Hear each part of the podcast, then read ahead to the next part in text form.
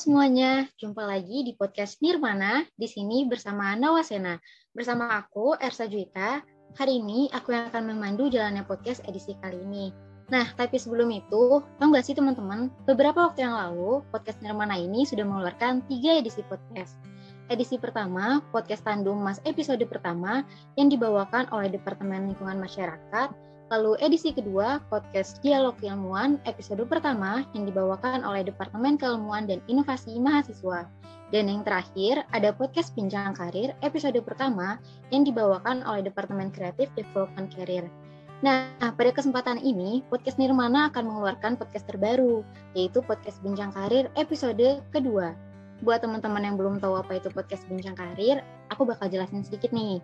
Jadi, podcast Bincang Karir merupakan salah satu program kerja dari Departemen CDC BEM FEB UPN Veteran Jakarta yang mana akan membahas seputar seluk-beluk dunia karir, perkembangan diri, bisnis, dan lain-lain yang bisa meningkatkan potensi diri. Untuk bincang karir episode kedua ini, kita akan membahas sebuah topik yaitu Working at Ministry 101. Nah, seperti nama edisi podcast ini, yaitu bincang karir, tentunya aku nggak sendirian. Karena sekarang aku udah ditemenin oleh seorang narasumber hebat yang sedang bekerja di Badan Kebijakan Fiskal, yaitu Bang Irsyan Mamaududi. Nah, halo Bang Irsyan. Ya, halo. Terasa. Gimana Bang kabarnya? Baik.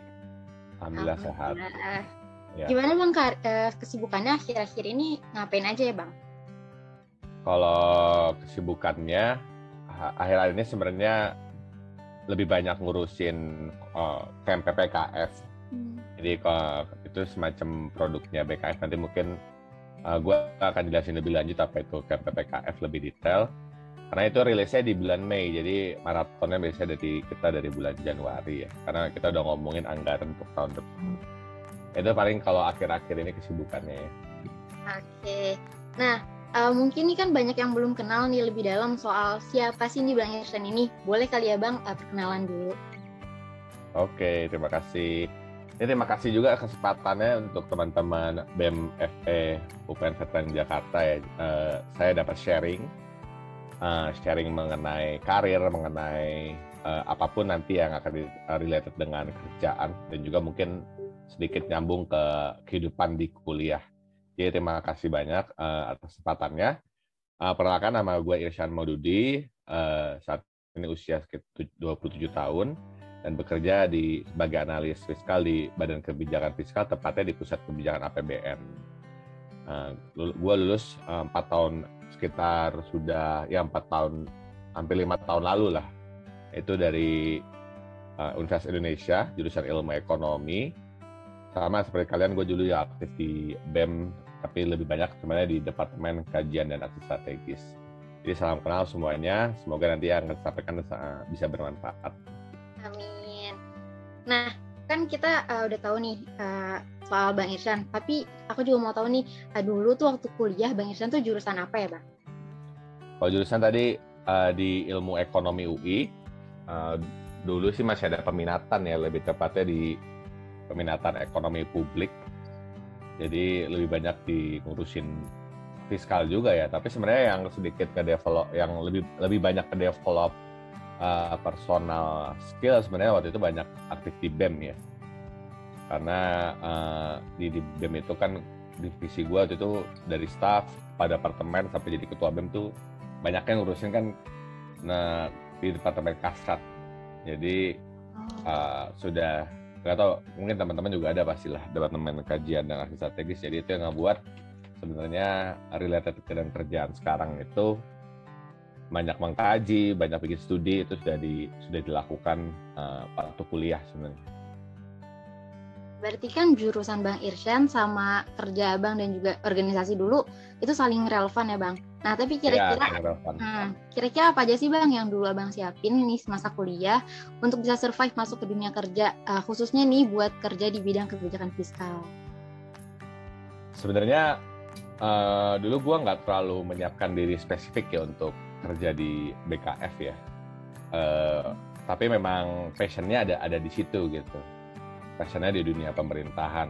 Uh, kenapa ya? Mungkin dari dulu aja dari dari SMA bahkan itu kayak suka baca-baca berbau ekonomi, berbau politik gitu. Jadi uh, relate-nya lebih ke arah sana gitu. Dan sebenarnya waktu itu awalnya justru ya pengennya masuknya jurusan politik ya waktu itu. Tapi uh, kayaknya terus saya kemarin waktu itu SMA era juga uh, ikut LSM ekonomi jadi ternyata lebih banyak influence-nya ke tertariknya ke minatnya itu ke ekonomi akhir-akhir SMA. Nah barulah, jadi saya milih itu semua jurusan tuh ilmu ekonomi dulu waktu kuliah. Nah, ilmu ekonomi semua gitu. Uh, mau waktu itu pilihannya di UI UGM sama di Unpad. Jadi benar-benar pengennya masuknya jurusan ilmu ekonomi. Nah, uh, nama lainnya mungkin ekonomi studi pembangunan ya biasanya di nama-nama di kampus lain tuh jurusannya. Nah itu uh, belajarnya sih kalian juga pasti belajar khususnya di ekonomi banyak-banyak di makro, mikro, dan spesifiknya misalnya moneter, publik, bahkan sumber daya alam. Nah, itu yang uh, dengan peminatan ekonomi publik, waktu itu gue lebih banyak belajar di sisi APBN-nya memang. Tapi waktu itu uh, lebih banyak konseptual sebenarnya, uh, bahkan pelajaran APBN-APBN yang ada di luar negeri, uh, di Indonesia ya sebenarnya waktu itu kuliah malah nggak terlalu banyak kebahas sebenarnya kalau di jurusan kuliah ya. Jadi konteksnya lebih ke teori ekonomi publik, uh, bagaimana belajar lebih jauh mengenai eksternalitas, uh, karena kan adanya pemerintahan ini sebenarnya tidak tidak muasalnya itu kalau dalam ekonomi kan kita ada kegagalan pasar ya.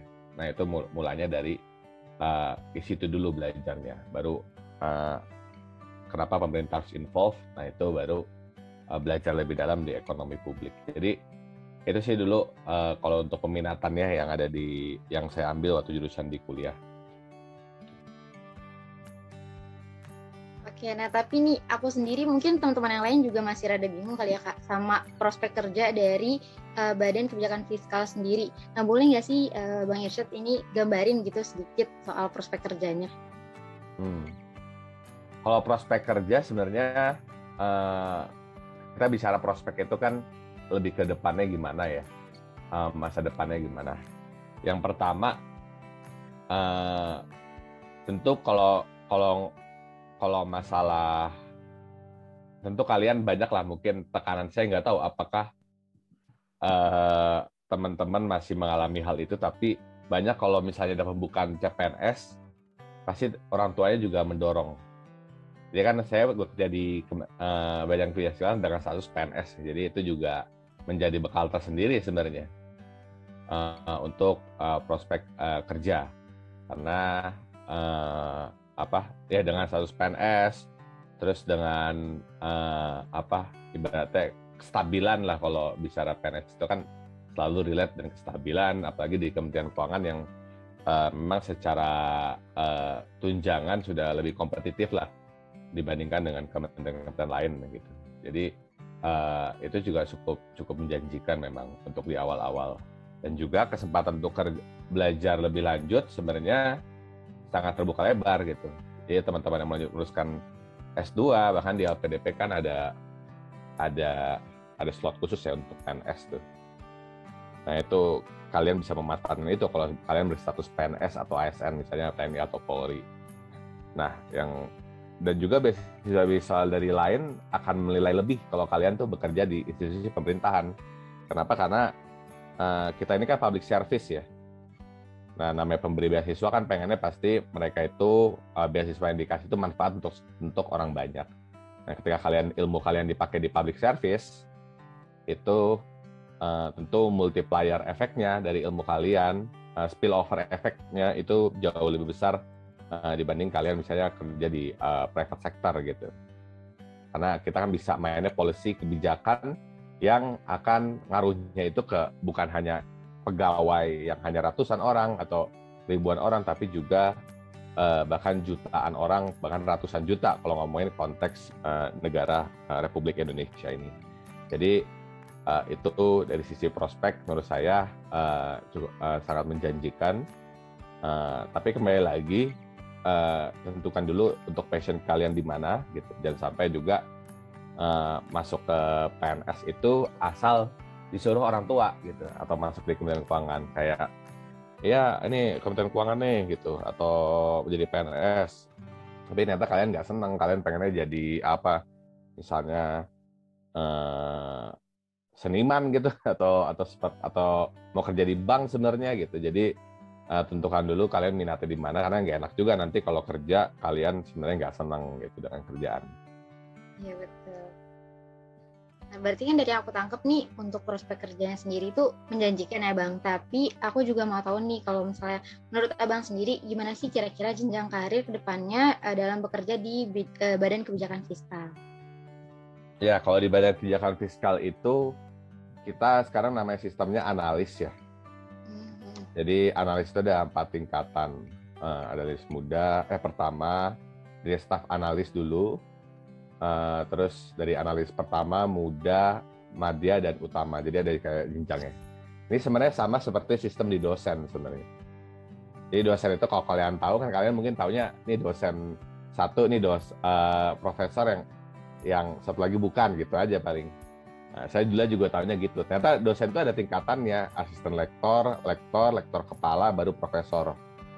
Jadi uh, itu ada ada tingkatannya. Sama seperti itu. Jadi karena ini sebenarnya salah satu amanat dari Pak Presiden Jokowi ya waktu dia di periode 2000 uh, eh, ini kan lebih pengen banyak dia bilang akan delayering untuk sistem PNS. Jadi banyak uh, apa eh, sistem-sistem jabatan fungsional. Nah ini diimplementasikan di BKF juga. Kalau dulu pas saya masuk itu masih sistem jenjangnya sama pelaksana S1 4, S1 4 tuh kepala sub bidang, kepala bidang, kepala pusat sampai dengan kepala BKF. Nah sekarang yang si kepala sub bidang sama kepala bidangnya sudah dihapus dan diganti jabatan tadi fungsional tadi. Nah, kalau berkarirnya, prospeknya kalau kalian bisa sudah mungkin level madya, itu sudah bisa kalian dan sudah ada pengalaman kerja yang cukup lama, nah biasanya bisa menjadi uh, kalau kalian juga secara kompetensi masuk gitu ya, kalian akan bisa menjadi uh, daftar menjadi eselon 2 atau kepala pusat tingkatannya atau mungkin juga direktur. Nah, kalau promosi lagi di atas itu ya eselon 1 kepala badan kerja kepala BKF-nya kalau konteks di kantor saya gitu. Dan uh, nah ya itu udah paling tinggi lah sebenarnya kalau jabatan karena nah di atas itu udah menteri gitu. Jadi udah udah mentok lah kalau berkarir. Tapi prospek itu kan sebenarnya nggak itu kalau kita bilang kayak layer ya layer. Tapi sebenarnya dalam sistem PNS itu juga cair ya. Kita nggak harus berkarir di unit kita sebenarnya. Misalnya saya di BKF di saya nanti saya uh, berkarir di Bappenas atau di Menko Perekonomian atau bahkan bisa jadi dosen karena status PNS itu cukup agile ya. Uh, dan biasa pindah-pindah seperti itu gitu. pengalaman misalnya saya ayah saya juga PNS dia dulu di Kementerian Pendidikan terus uh, terakhirnya di Kementerian Agama. Di kantor saya juga ada uh, eselon 3 yang promosi jadi kepala Bapeda DKI malah PNS di provinsi gitu. Jadi uh, cukup beragam sebenarnya pola promosi itu tidak tidak tidak tidak segaris seperti itu gitu. Jadi cukup cair lah. Ada juga orang di kantor saya yang jadi dosen uh, akhirnya di stan gitu. Jadi uh, karena status PNS itu sebenarnya luas ya kalau teman-teman tahu.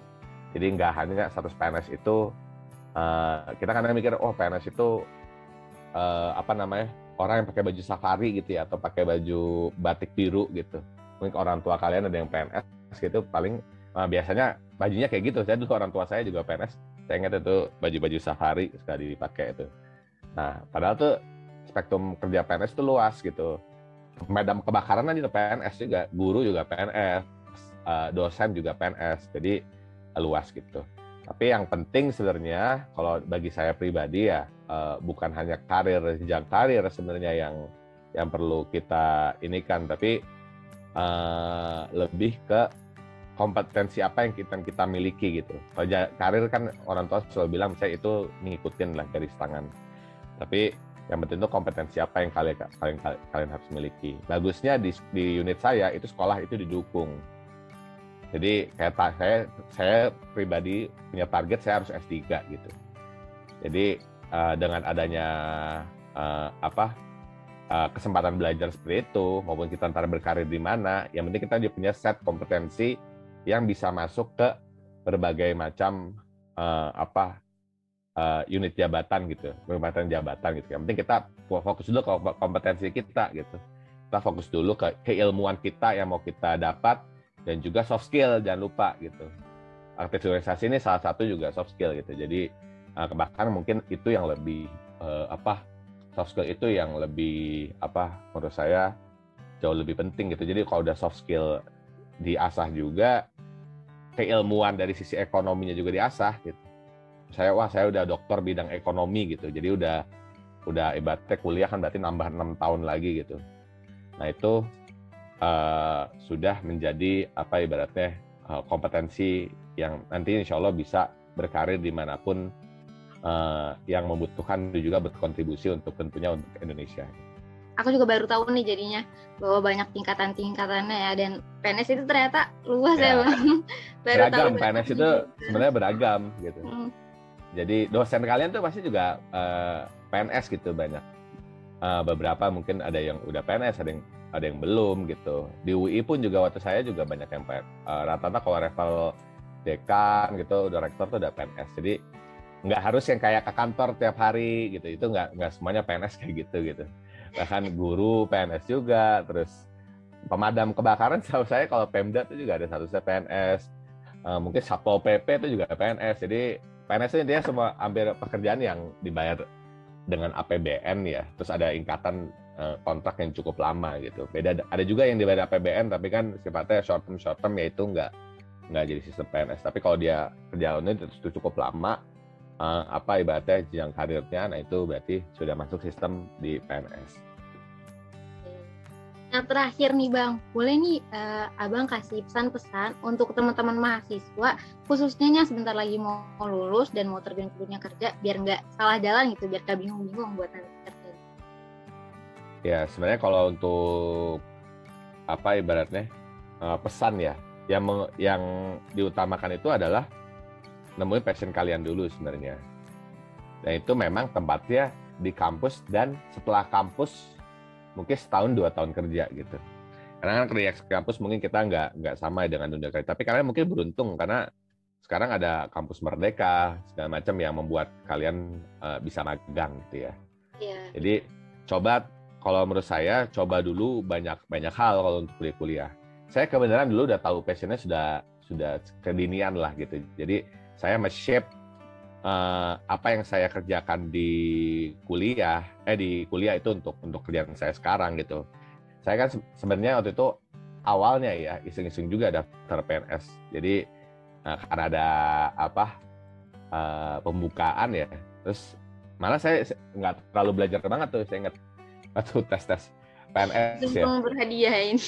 Iya, karena tapi kadang-kadang kita kalau nggak belajar kan jadi nggak ini ya, nggak ada nggak pressure ya ngerjain soalnya. Iya. Uh, uh, uh, jadi tiba-tiba lah kalau masuk juga ternyata nih sampai akhir. Jadi karena kan kalau kalau belajar kan kita udah belajar jadi kayak beban gitu kayak ngerjainnya takut terus ada ekspektasi dari orang tua uh, apa sama lah kalau dulu mungkin pengalaman tes SBMPTN gitu kan kayak tegang banget gitu kayak uh, uh, kayak karena ada ekspektasi nih kalau gagal-gagal gimana. Kalau saya dulu enjoy aja karena saya sebenarnya nggak nggak pengen-pengen banget gitu kayak waktu itu saya lebih pengen sebenarnya lanjut langsung lanjut kuliah dan nerusin karir sebagai dosen waktu itu ya. Uh, tapi uh, pada akhirnya pas tes itu lolos terus juga dan diwawancara ternyata juga lolos sampai tahap akhir ya udah saya coba dan kemarin memang saya memilih badan kerja visual itu ya sesuai passion saya gitu. Jadi saya walaupun nggak pengen-pengen banget tapi uh, memang tempatnya itu tempat yang saya saya minat juga gitu. Karena tadi saya malah saya mikirnya itu malah saya kayak aduh ngapain harus ke kantor gitu. Kayak saya kan nggak terlalu apa suatu rutinitas yang kayak kalau jadi dosen kan lebih enak ya kita ngajar dan bisa ada kerja-kerjaan lain yang uh, menopang gitu. Misalnya sebagai researcher atau apa kalau kalau PRS kan uh, tadi saya mikirnya lingkungannya sangat kayak apa ibaratnya kaku ya. Tapi ternyata cukup pas saya masuk cukup egaliter lah kalau di BKF ini. Nah itu uh, temuin dulu passion kalian agar kalian bisa nge-shape gitu. Kayak mau kalian mau skill apa yang kalian pengen gitu. Jadi uh, tadi kan bilang juga uh, siapa? Uh, Ersa juga bilang kalau saya oh ini inline juga ya. Ternyata kuliahnya saya uh, kerjaan aktivitas di kampus dan kerjaan sekarang. Jadi tiga itu bersinergi. Ya memang itu di shape di shape juga. Jadi bukan kayak go with the flow juga aja gitu. Kayak kayak oh ya udah nih ah coba bem nih coba ikut ikutan ah bem gitu kan. Uh, apa banyak yang mungkin yang gitu juga di awal-awal kalau atau oh nih masuk peminatan ini nih ambil aja kuliah ini karena teman saya di situ.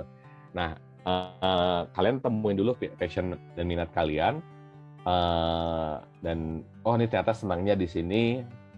Terus uh, dan kalian dalemi itu dan juga uh, pas du masuk dunia kerja juga milih yang sesuai passion gitu. Dan uh, menurut saya memang kadang-kadang namanya passion ini apa ibaratnya ya tidak inline tidak selalu inline dengan dengan apa ibaratnya mungkin kalian punya ekspektasi gaji atau apa gitu. Kadang tapi uh, lakuin aja sebenarnya sesuai passion karena menurut saya daripada kalian digaji tinggi terus tapi nggak sesuai passion tuh rasanya lebih berat kerjanya rasanya ke kantor tuh berat banget kayak aduh kakinya melangkahnya juga berat gitu tapi uh, kalau sudah sesuai passion itu kalian memang jadi expert di sana dan insya Allah lama rezeki mah sudah ada sudah ada yang ngatur lah kalau kita percaya juga seperti itu. Nah yang uh, dan kalian juga nggak perlu takut sebenarnya kalau kalian pas lulus kuliah itu nggak ada nggak ketemu passionnya nggak apa-apa juga gitu jadi itu nggak telat ya nah, kalian nggak kayak kalau kalian boleh lah mesti setelah lulus kuliah itu kerja di banyak tempat yang uh, apa uh, unitnya uh, tipe kerjanya beda-beda. Menurut saya setahun sampai tiga tahun awal itu wajar kalian oh ini fitnya di mana gitu. Baru baru kalian oh nentuin gitu. Tapi kalau sudah lima tahun sampai 8 tahun setelah lulus kalian belum nemuin passion mungkin kalian harus ke konsultasi ke psikolog karir atau apa gitu. Karena itu berarti ada yang salah tuh ke kelamaan soalnya kalau kalau udah lima tahun udah 10 tahun gitu kalian masih kayak bingung nih sebenarnya mau jadi apa ya hidupnya ya. Nah itu ada yang salah tuh tapi kalau masih awal-awal kerja ya tiga tahun awal dua tahun awal itu justru tempatnya kalian untuk mengeksplorasi.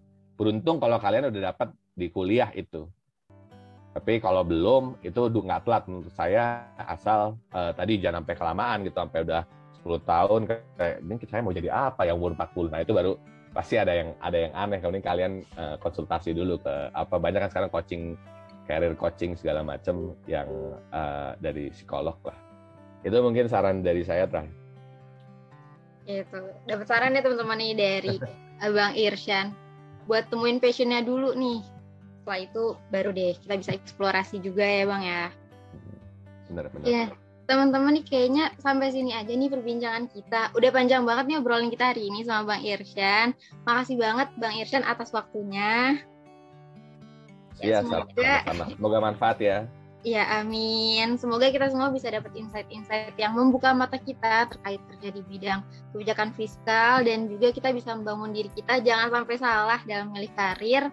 Terus lihat potensi kita mau ke mana, lihat uh, explore juga dan juga terakhir uh, semoga uh, apa yang Bang Irsyad kasih ini tuh dapat membantu um, teman-teman semua untuk lebih yakin dalam menentukan jenjang karirnya setelah lulus kuliah nanti.